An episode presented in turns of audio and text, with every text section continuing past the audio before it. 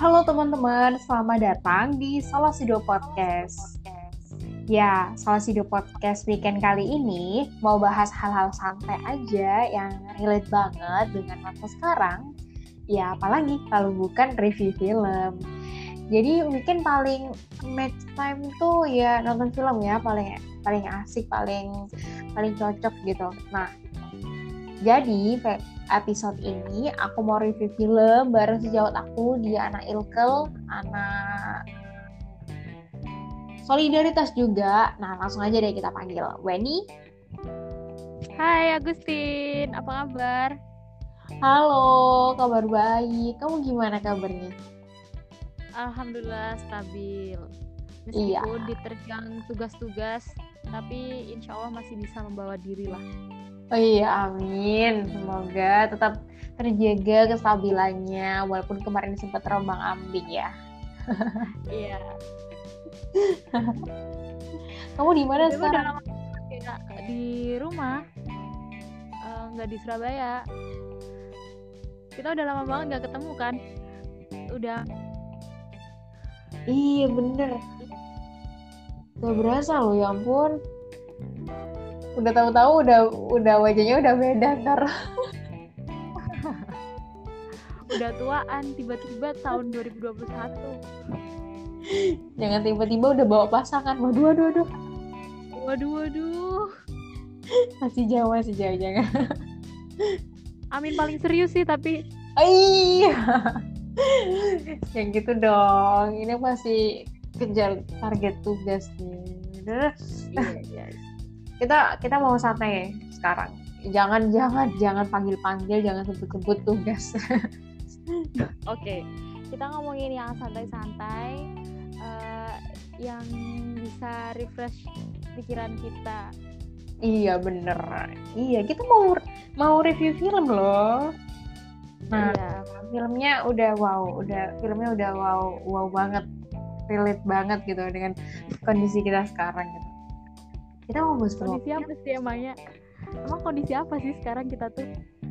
kita ada di kondisi apa? Terbang kambing. Udah kondisi riuh piruh. Jadi kita mau bahas film apa nih?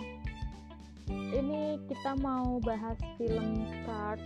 Ini film Korea tahun 2014 rilisnya tuh 13 November. Jadi kalau misalnya anak kecil tuh udah mau masuk SD, tapi masih relate banget sih sama isu yang lagi hype belakangan ini gitu. Bukan belakangan ini, tapi sampai sekarang masih hype sih. Oh iya, sampai buat trending di tweet per hari-hari loh ya. Keren keren Iya. keren. Isunya bisa naikin tagar gitu. Iya. Ah, ada isu apa? Kemarin gak ada apa-apa kan? Cuma ketuk palu doang mah. Apa salahnya? Tapi tengah malam dikira ada maling sih. Malam ketok- ketok-ketok coba. sebenarnya nggak terlalu tengah malam sih cuman kayak itu tuh waktu-waktu orang-orang semuanya pada istirahat kalau mahasiswa ngerjain tugas gitu loh maksudnya kayak wow banget gitu kerja apa kilat banget serius-serius mereka kerja keras banget ya baik tiba-tiba ketutup tuh. Ya diramein lah. mereka sih mainnya itu main belakang ya kan Iya. kaget jadinya jadi bangunin orang yang tidur kan ya nggak sih Iya. sampai sampai Kan aduh nggak boleh nggak boleh rame-rame soalnya lagi ada corona. sampai tuh ya aduh kita kita. Maksudnya udah banyak orang yang turun ke jalan eh mereka pada mundur. Social distancing ya nggak? boleh nggak boleh deket-deket gitu. Jadi mereka harus jaga jarak gitu dipagerin gitu kan Oke, jadi ini filmnya film apa? Jadinya film pagar-pagar apa film apa? oh iya ya udah oke balik ke topik kita aduh sampai hampir mau keluar ranah tapi nggak terlalu keluar banget sih soalnya relate sama film ini tuh Iya benar-benar relate banget. Jadi ini tuh film Card 2014 yang udah disebutin tadi ya. Udah enam tahun yang lalu, tapi ya masih masih bener-bener bisa fresh banget gitu. Nggak terlalu basi buat diulas lagi gitu. Nah jadi ini menceritakan sosok seorang ibu yang diperankan oleh Yoon Jung E yaitu Sun Hye gitu ya. Uh, seorang ibu itu uh, punya dua anak gitu. Anaknya spesial nah ini ibu itu uh, seorang ibu rumah tangga. Bukan ibu rumah tangga maksudnya ibu megang dua kedudukan sebagai ibu rumah tangga ibu cari nafkah juga. Nah ditinggal oleh suaminya suaminya tuh kerja jauh nggak tahu deh ke mana. Dia ke lautin waduh ke laut aduh. Eh ke, ke laut ya? Iya anak kelautan deh itu suaminya. Oh, aku deh kayak. Iya aduh ampun suhu. Orang kelautan pantesan jarang pulang ya. Emang gitu ya tiga kali puasa tiga kali lebaran deh kayaknya. Hmm. kamu bakal kayak gitu juga nggak? Ya, lah. Oke lanjut. Nah ini dia tuh uh, Ibu Sun Hye itu telah bekerja sebagai pekerja kontrak untuk sebuah toko diskon besar selama lima tahun terakhir. Nah Sun Hye yang telah dijanjiin berkali-kali bahwa dia akan dipromosiin tuh uh, dijadiin karyawan penuh waktu reguler. Jadi istilahnya kayak Ibu Sun Hye ini udah ngabis selama lima tahun terakhir. Nah pekerjaannya itu udah perfect, udah ibunya tuh uh, nurut banget, maksudnya nggak nggak sampai buat kesalahan yang fatal gitu nah tiba uh, maksudnya udah dijanjiin berulang kali buat dijadiin pegawai tetap tapi tapi kayak tiba-tiba perusahaan itu ngasih announcement yang bad news gitu loh. Iya tiba-tiba perusahaan mengadakan efisiensi terus para pekerjanya jadi dirumahkan gitu.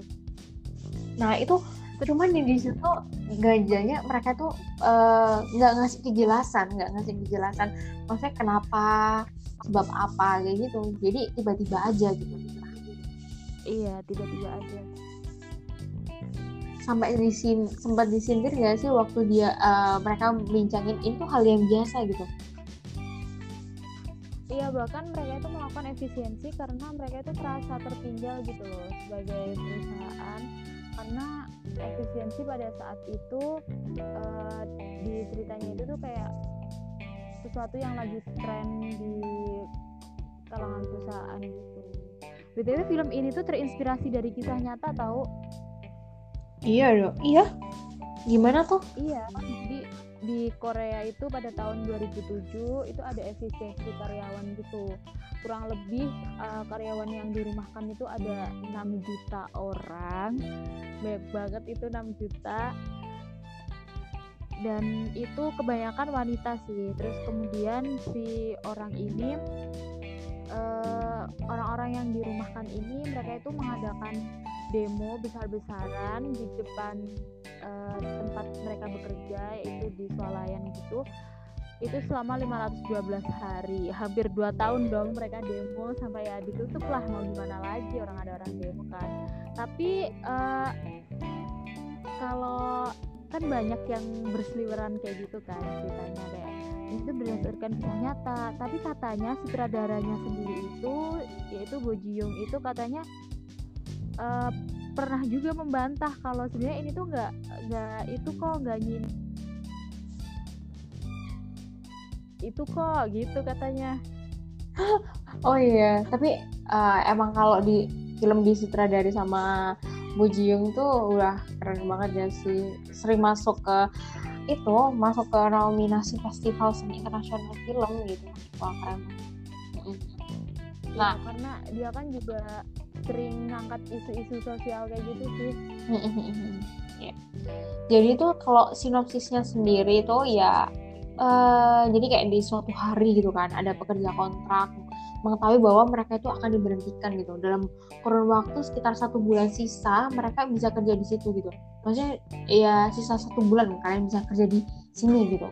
Selepas itu kalian PHK ya padahal kontraknya itu masih ada untuk beberapa bulan ke depan kan? Nah iya makanya itu maksudnya jadi seakan-akan mereka uh, yang apa pihak perusahaan tuh cuma ngasih ngasih announcement ngasih pengumuman mereka bakal um, masa kalian bertahan di sini tuh cuman sekian gitu. Itu doang maksudnya nggak dikasih kejelasan apa pun gitu.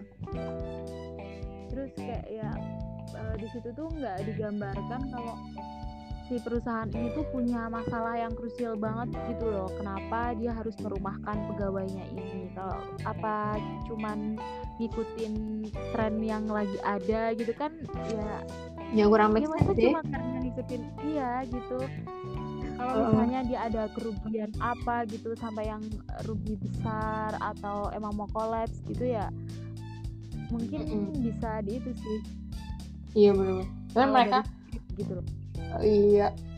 Nggak ngasih kejelasan itu tadi sih makanya temanya sesuai iya. dong sama temanya. Iya. Ada tapi selain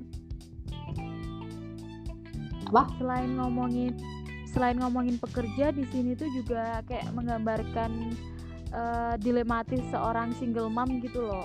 Hmm iya ya ini kan iya, ya, ada ada tokoh yang namanya Sun Hye itu kan dia punya dua anak gitu kan. Yang satunya udah gede udah SMA yang satunya masih kecil gitu. Uh, di situ dia kayak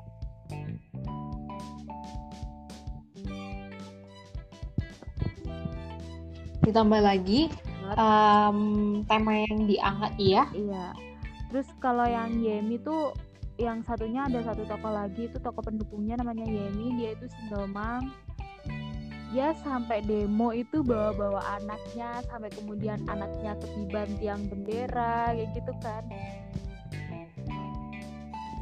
Jadi ada apa selain itu jadi kayak ngambil ini loh peran seorang ibu itu kayak gini. Mereka berjuangkan keluarganya nyari nafkah gitu Iya. kan pas waktu ibu Sunhe ditinggal suaminya itu seakan-akan uh, keluarganya itu benar-benar kritis gitu loh. Maksudnya harus mereka harus nih uh, ibunya itu harus ninggalin anaknya berhari-hari demi mempertahankan nyari haknya itu.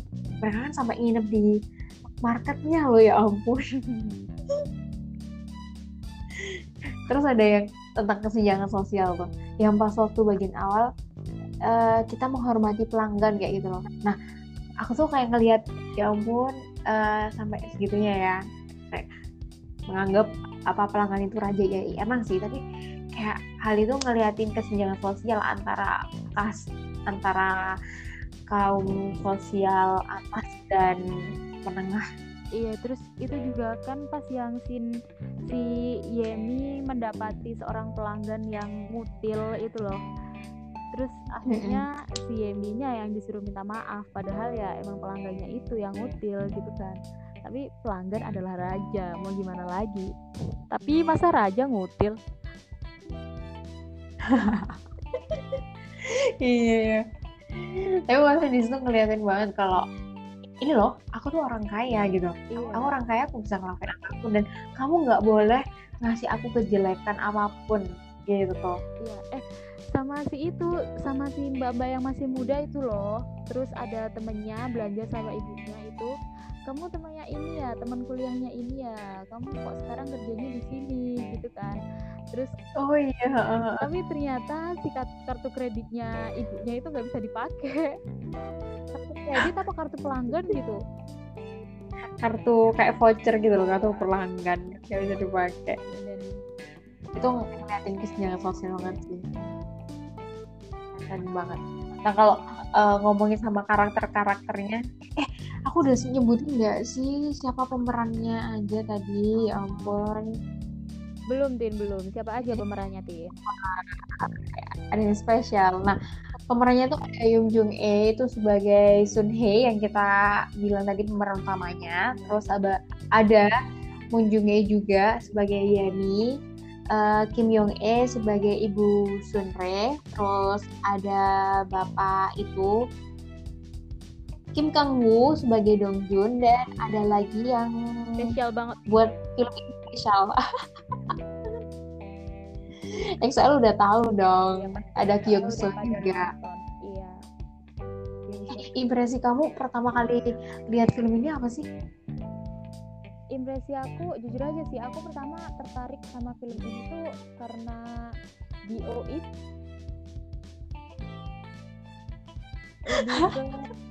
wah. Iya, eh terus ini soundtracknya enak banget tahu eh iya ya ampun aku udah dengerin.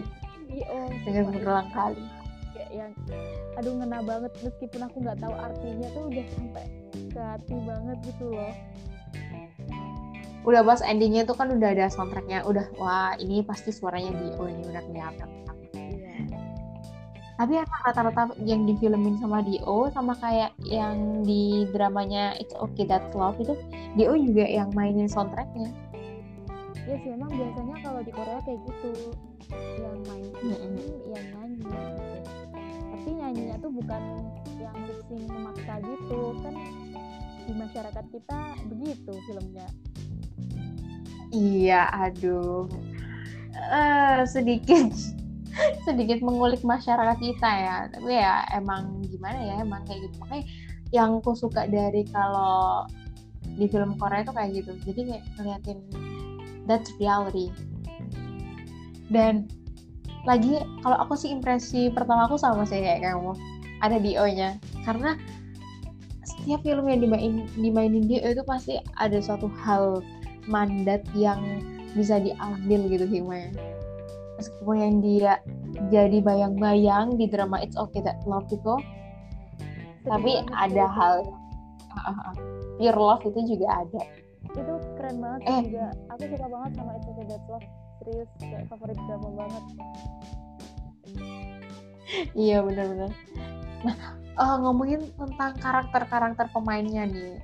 Kalau pemainnya sih udah pro-pro udah kelas kakap banget loh iya jadi tapi ya eh, nunjukin bahwa ada emosi seorang ibu tuh eh, gimana ya kelihatan banget sih di diperani sama ibu Sohir. Jadi dari awal sampai eh, pertengahan dulu ya itu ngeliatin kalau dia itu sedih terus habis itu kayak dilema terus bingung gitu loh. Bahkan pas waktu dipilih jadi salah satu kewakilan pembicara serikat organisasi serikat itu itu sampai bingung gitu loh. Iya dia kayak bingung. Sebenarnya kan dia juga mau mau daftar sebagai serikat buruh itu kan juga bingung kan. Karena di awal dia itu udah udah dibilangin kamu gak usah serikat ini nanti posisi kamu akan tetap diitukan akan tetap kamu dapatkan kok kamu gak akan dipecat. Kayak gitu gak sih? Terus abis itu malah yang si Yemi itu langsung bilang ah aku juga udah dapat kayak gini ini tuh cuma akal-akalan aja kayak gitu. Terus akhirnya iya. Jun He terpengaruh sama Yemi selain terpengaruh juga terinspirasi nih. Iya. Juga lo sama karakternya ibu Yemi.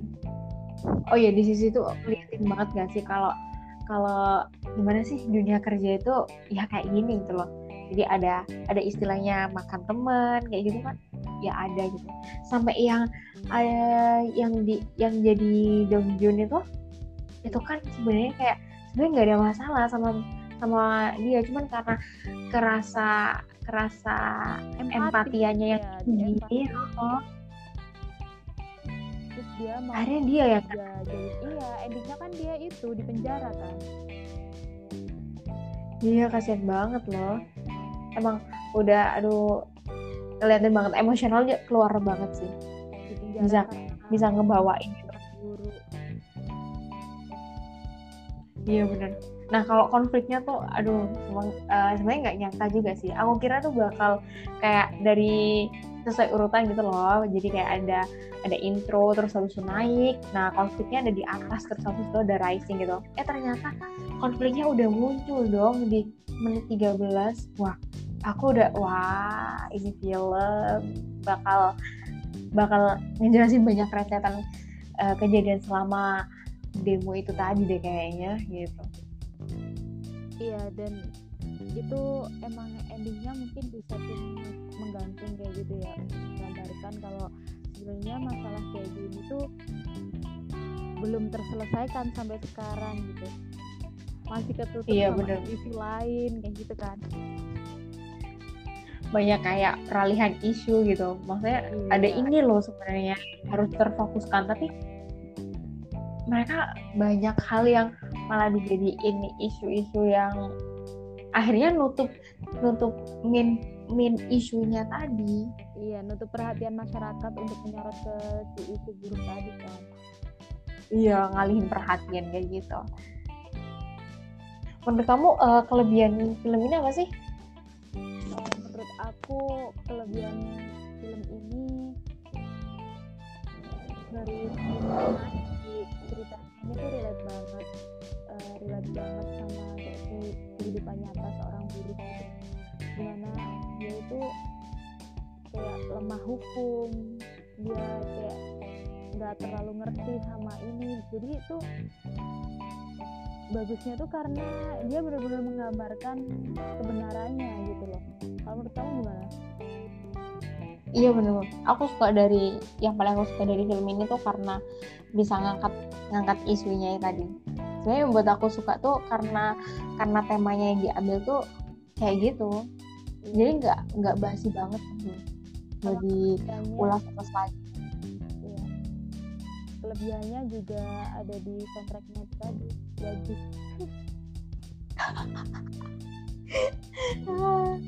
Kelebihannya lagi karena pemainnya bagus. Iya, pemainnya bagus. Keren sih itu diambil di O. Iya, pinter banget loh. Jadi, iya, kayak daya tarik tersendiri gitu loh. Jadi kalau misalnya kita ngomongin dakwah tuh dakwahnya tuh uh, menyebar ke segala kalangan jadinya.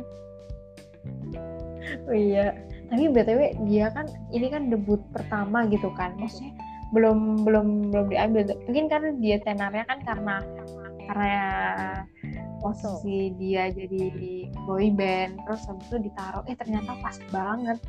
Ekspresi yang dipakai sama dia tuh ya ampun aduh sumpah greget banget liatnya.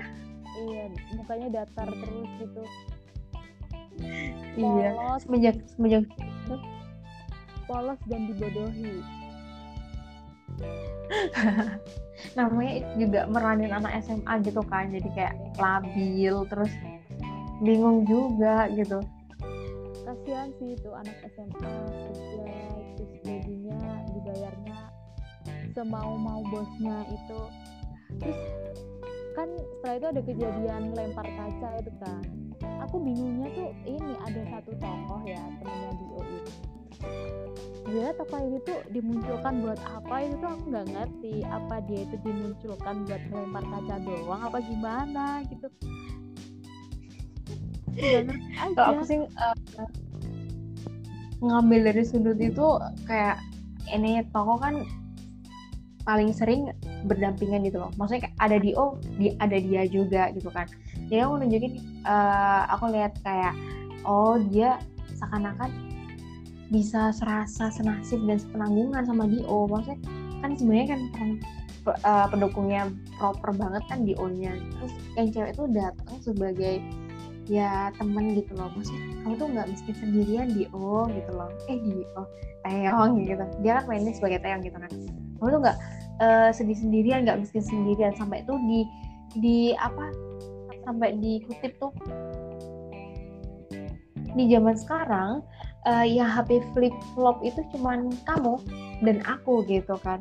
Maksudnya nunjukin banget kalau ya yang miskin kita berdua tuh sama-sama miskin gitu. Jadi nggak usah malu gitu. Tapi ya yang mungkin cuma mereka berdua di antara teman-teman yang lain kan? Iya kan. Pada akhirnya mereka berdua kan seharusnya harus ikut itu kan wisata keluar gitu kan tapi ya akhirnya mereka berdua nggak jadi ikut bareng. Iya tapi pas setelah kejadian lempar kaca sama si temennya Dio ini kan habis itu Dio digebukin situ tuh aku malah shock sih sama uh, si Sun Hye ini yang ternyata di situ dia akhirnya memperjuangkan hak anaknya yang itu dia tuh hitungannya juga sebagai burung ya. Nggak digaji secara apa ya sesuai dengan perjanjiannya gitu. Kirain mah Sun Hye di situ bakalan pasrah aja. Kayak dia kan orangnya terlihat seperti orang yang menghindari konflik gitu gak sih? Pendiam kayak gitu. Iya iya kan dia kan sebenarnya kayak nah dia pendiam nurut banget gitu kan. Maksudnya apa yang dikasih itu yang dia lakuin gitu kan. Tapi dari situ awalnya aku ngelihatnya bakal ibunya bakal diem banget. Tapi ternyata um, langsung tentang marah-marah-marah sampai melotot banget kayak gitu. Itu emosional keluar banget gitu kan. Kalau aku ngelihatnya selain dia terpengaruh sama Yemi itu uh, Yeminya itu juga nggak inspirasi ibu Sunhee buat lebih berani gitu. Lebih berani uh, ngeluarin emosional lebih berani ngeluarin ekspresi marah lebih berani negakin kebenaran gitu loh. Maksudnya nggak tundak-tunduk gitu doang Oh ya bener ini tuh ada scene favorit aku bukan favorit sih. Ini cuma mengingatkan sama sesuatu yang viral sekarang nih. Yang pas di terakhiran demo yang terakhir itu di Sunhe itu kan sama teman-temannya udah di dalam supermarket itu di tengah-tengah orang yang ada yang lagi belanja. Dia ngambil mic buat menyuarakan bahwa dia tuh gini gini gini gini tapi sama pihak itunya dimatiin mikrofonnya aku teringat akan sesuatu pas nonton itu dong. Oh iya bener ya ampun. Nyindir banget deh jadinya. Kasih banget gak sih? Maksudnya ibu Sunhe itu kan awalnya itu kan udah pertama teriak pakai suara sendiri ternyata nggak didengerin. Terus habis itu udah grogi gemeteran udah pada takut. Ada mic cuma satu-satunya suara gitu loh. Maksudnya yang bisa didengar oleh banyak orang gitu. Eh ternyata tiba-tiba dilepas dong. Dilepas apa? Di mute sih? Dilepas ya, ya kabelnya. Intinya dinonaktifkan lah si alat itu. Ya sama lah sama yang viral kemarin. Waduh. Aduh gimana sih? Kebebasan bersuara. Seharusnya ya kasihan menurut kamu film ini nilainya berapa nih Ken kalau dinilai 1 sampai 10 kalau aku sih aku 6 ya Wen. Soalnya ya ya sesuai lah. Lihat dari tokonya ekspresinya temanya itu uh, bagiku 6 karena aku lihat ada ada bagian yang ada kekurangannya gitu loh. Maksudnya ada tadi kan udah kelebihan gitu kan. Nah kalau aku melihat dari kekurangannya uh, dari sinematografinya tuh ya mungkin karena tahun 2014 gitu ya. Jadi kayak aku lihatnya oh masih kayak ngambilnya itu dari scene sudut yang biasa gitu. Terus ditambah lagi ada bagian hal yang kaku banget. Nah itu kelihatan banget pas waktu uh, waktu ibu ibu Yeminya calling calling ibu uh, sorry ibu Sunhei calling ke ibu Yemi itu kan uh, di kayak di wartel gitu ya. Nah itu kan gerak badan itu kelihatan banget kalau masih kaku gitu. Ngambil ngambil itunya. Itu sih. Kalau aku kalau kamu berapa? Enam setengah karena ada Dio dan ada soundtracknya yang bagus banget. Dio ya yang jadi alasan. Ah Kimso iya emang nggak nggak bisa di itu nggak bisa dipungkiri kalau Kimso ini dia daya tarik sendiri oh iya bener-bener maksudnya kayak wah uh, tau gak sih aku pas waktu typing film card ini itu kayak nggak nemu-nemu nggak tahu ya mungkin karena udah lama atau kalau nggak aku kurang update tentang film di tahun itu gitu kan. Terus susahnya tuh nyari banget. Nah udah ketemu tuh ternyata kayak harus typingnya harus ada di O-nya juga. Jadi kayak harus card 2014 di O So gitu tuh nggak ya ampun jadi uh, makasih di O belum ini ya belum belum ikutin ya belum tertarik kali. Iya. Wah perfect perfect. Kamu? Hey ya ampun nggak kerasa. Udah udah udah udah. Ya ampun. Gimana nih? Udah dulu ya udah tuntas kita bahas filmnya sampai ke akar-akarnya bahas yang happening juga gitu kan. Iya.